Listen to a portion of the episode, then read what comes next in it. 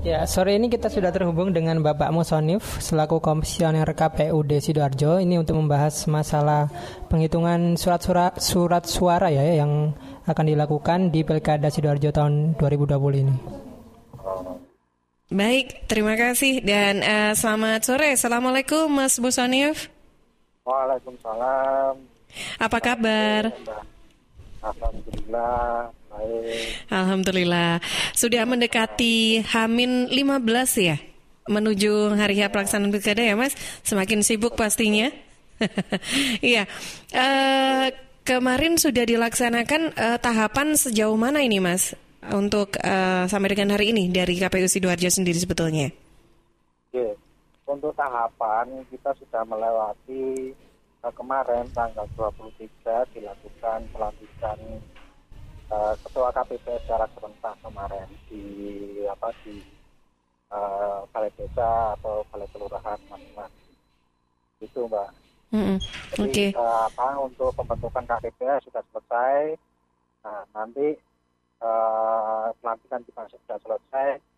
Nah ini untuk antisipasi dan uh, apa kesehatan dari semua dan kita mengikuti protokol kesehatan yang sesuai dengan didiagnosisikan itu tanggal insya Allah tanggal 26 itu uh, teman-teman KPPS akan uh, dilakukan rapid secara serentak. Gitu mbak Oke, baik. Nah, uh, berkaitan dengan uh, proses pelaksanaan uh, pilkada tahun ini begitu ya. Ini kan memang sudah kita ketahui bersama ada beberapa persiapan yang memang sudah dilakukan, apalagi kita di tengah wabah pandemi begitu ya. Apalagi hari ini kabarnya di tetangga kita di Surabaya sana juga ada peningkatan jumlah pasien COVID-19 juga begitu.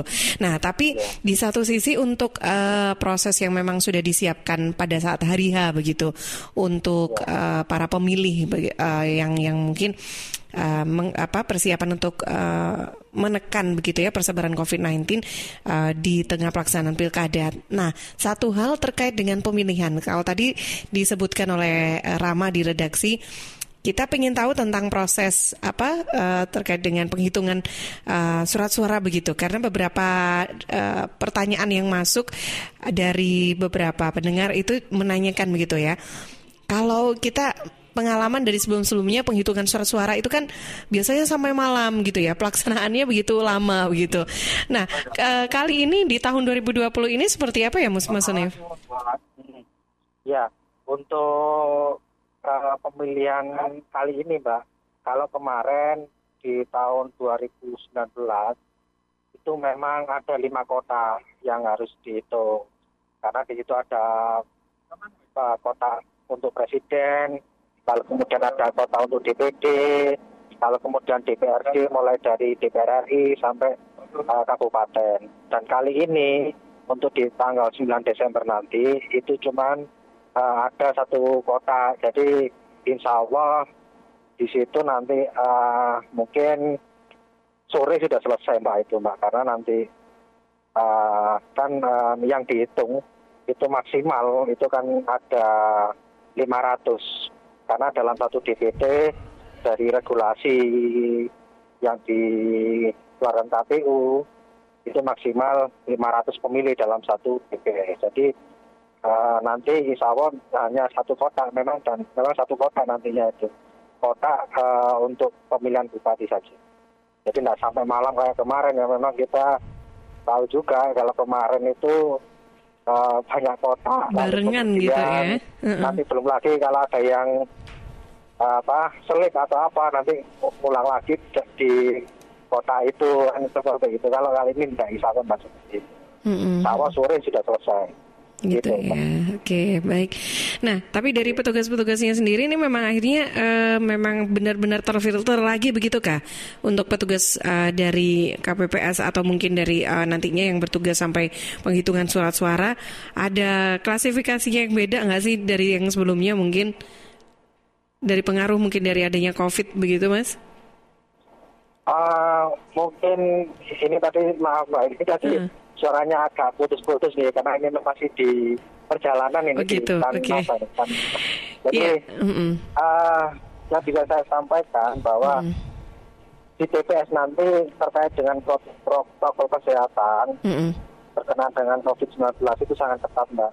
Jadi mm -hmm. mulai nanti uh, di sebelum masuk sebelum masuk uh, pemilih yang akan masuk akan disuruh untuk cuci tangan terlebih dahulu.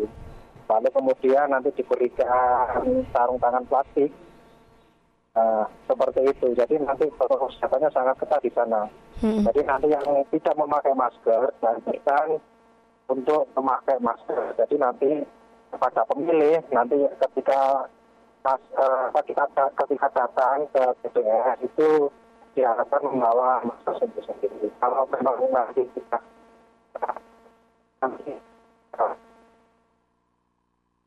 Oke, baik. Ya sepertinya uh, signal ya ini uh, kurang mendukung ya, Mas Musarif pada perjalanan juga ini ya keluar kota. Baik Mas, poin yang uh, kami tanyakan mewakili beberapa pertanyaan dari pendengar suara sidoarjo. Ada yang bergabung juga pertanyaan mungkin tidak ya? Kita sudah sampaikan kepada Mas Musonif, poinnya juga sudah kami terima. Ya, terputus sambungan kita bersama Mas Musonif, sahabat sore hari ini. Uh, beliau dari Komisioner KPU Kabupaten Sidoarjo karena memang masih dalam perjalanan ya, sehingga kondisi signalnya juga tidak stabil. Mas Musonif Afandi Esos uh, selaku divisi data dari Komisioner KPU Sidoarjo yang telah berbincang dengan kita.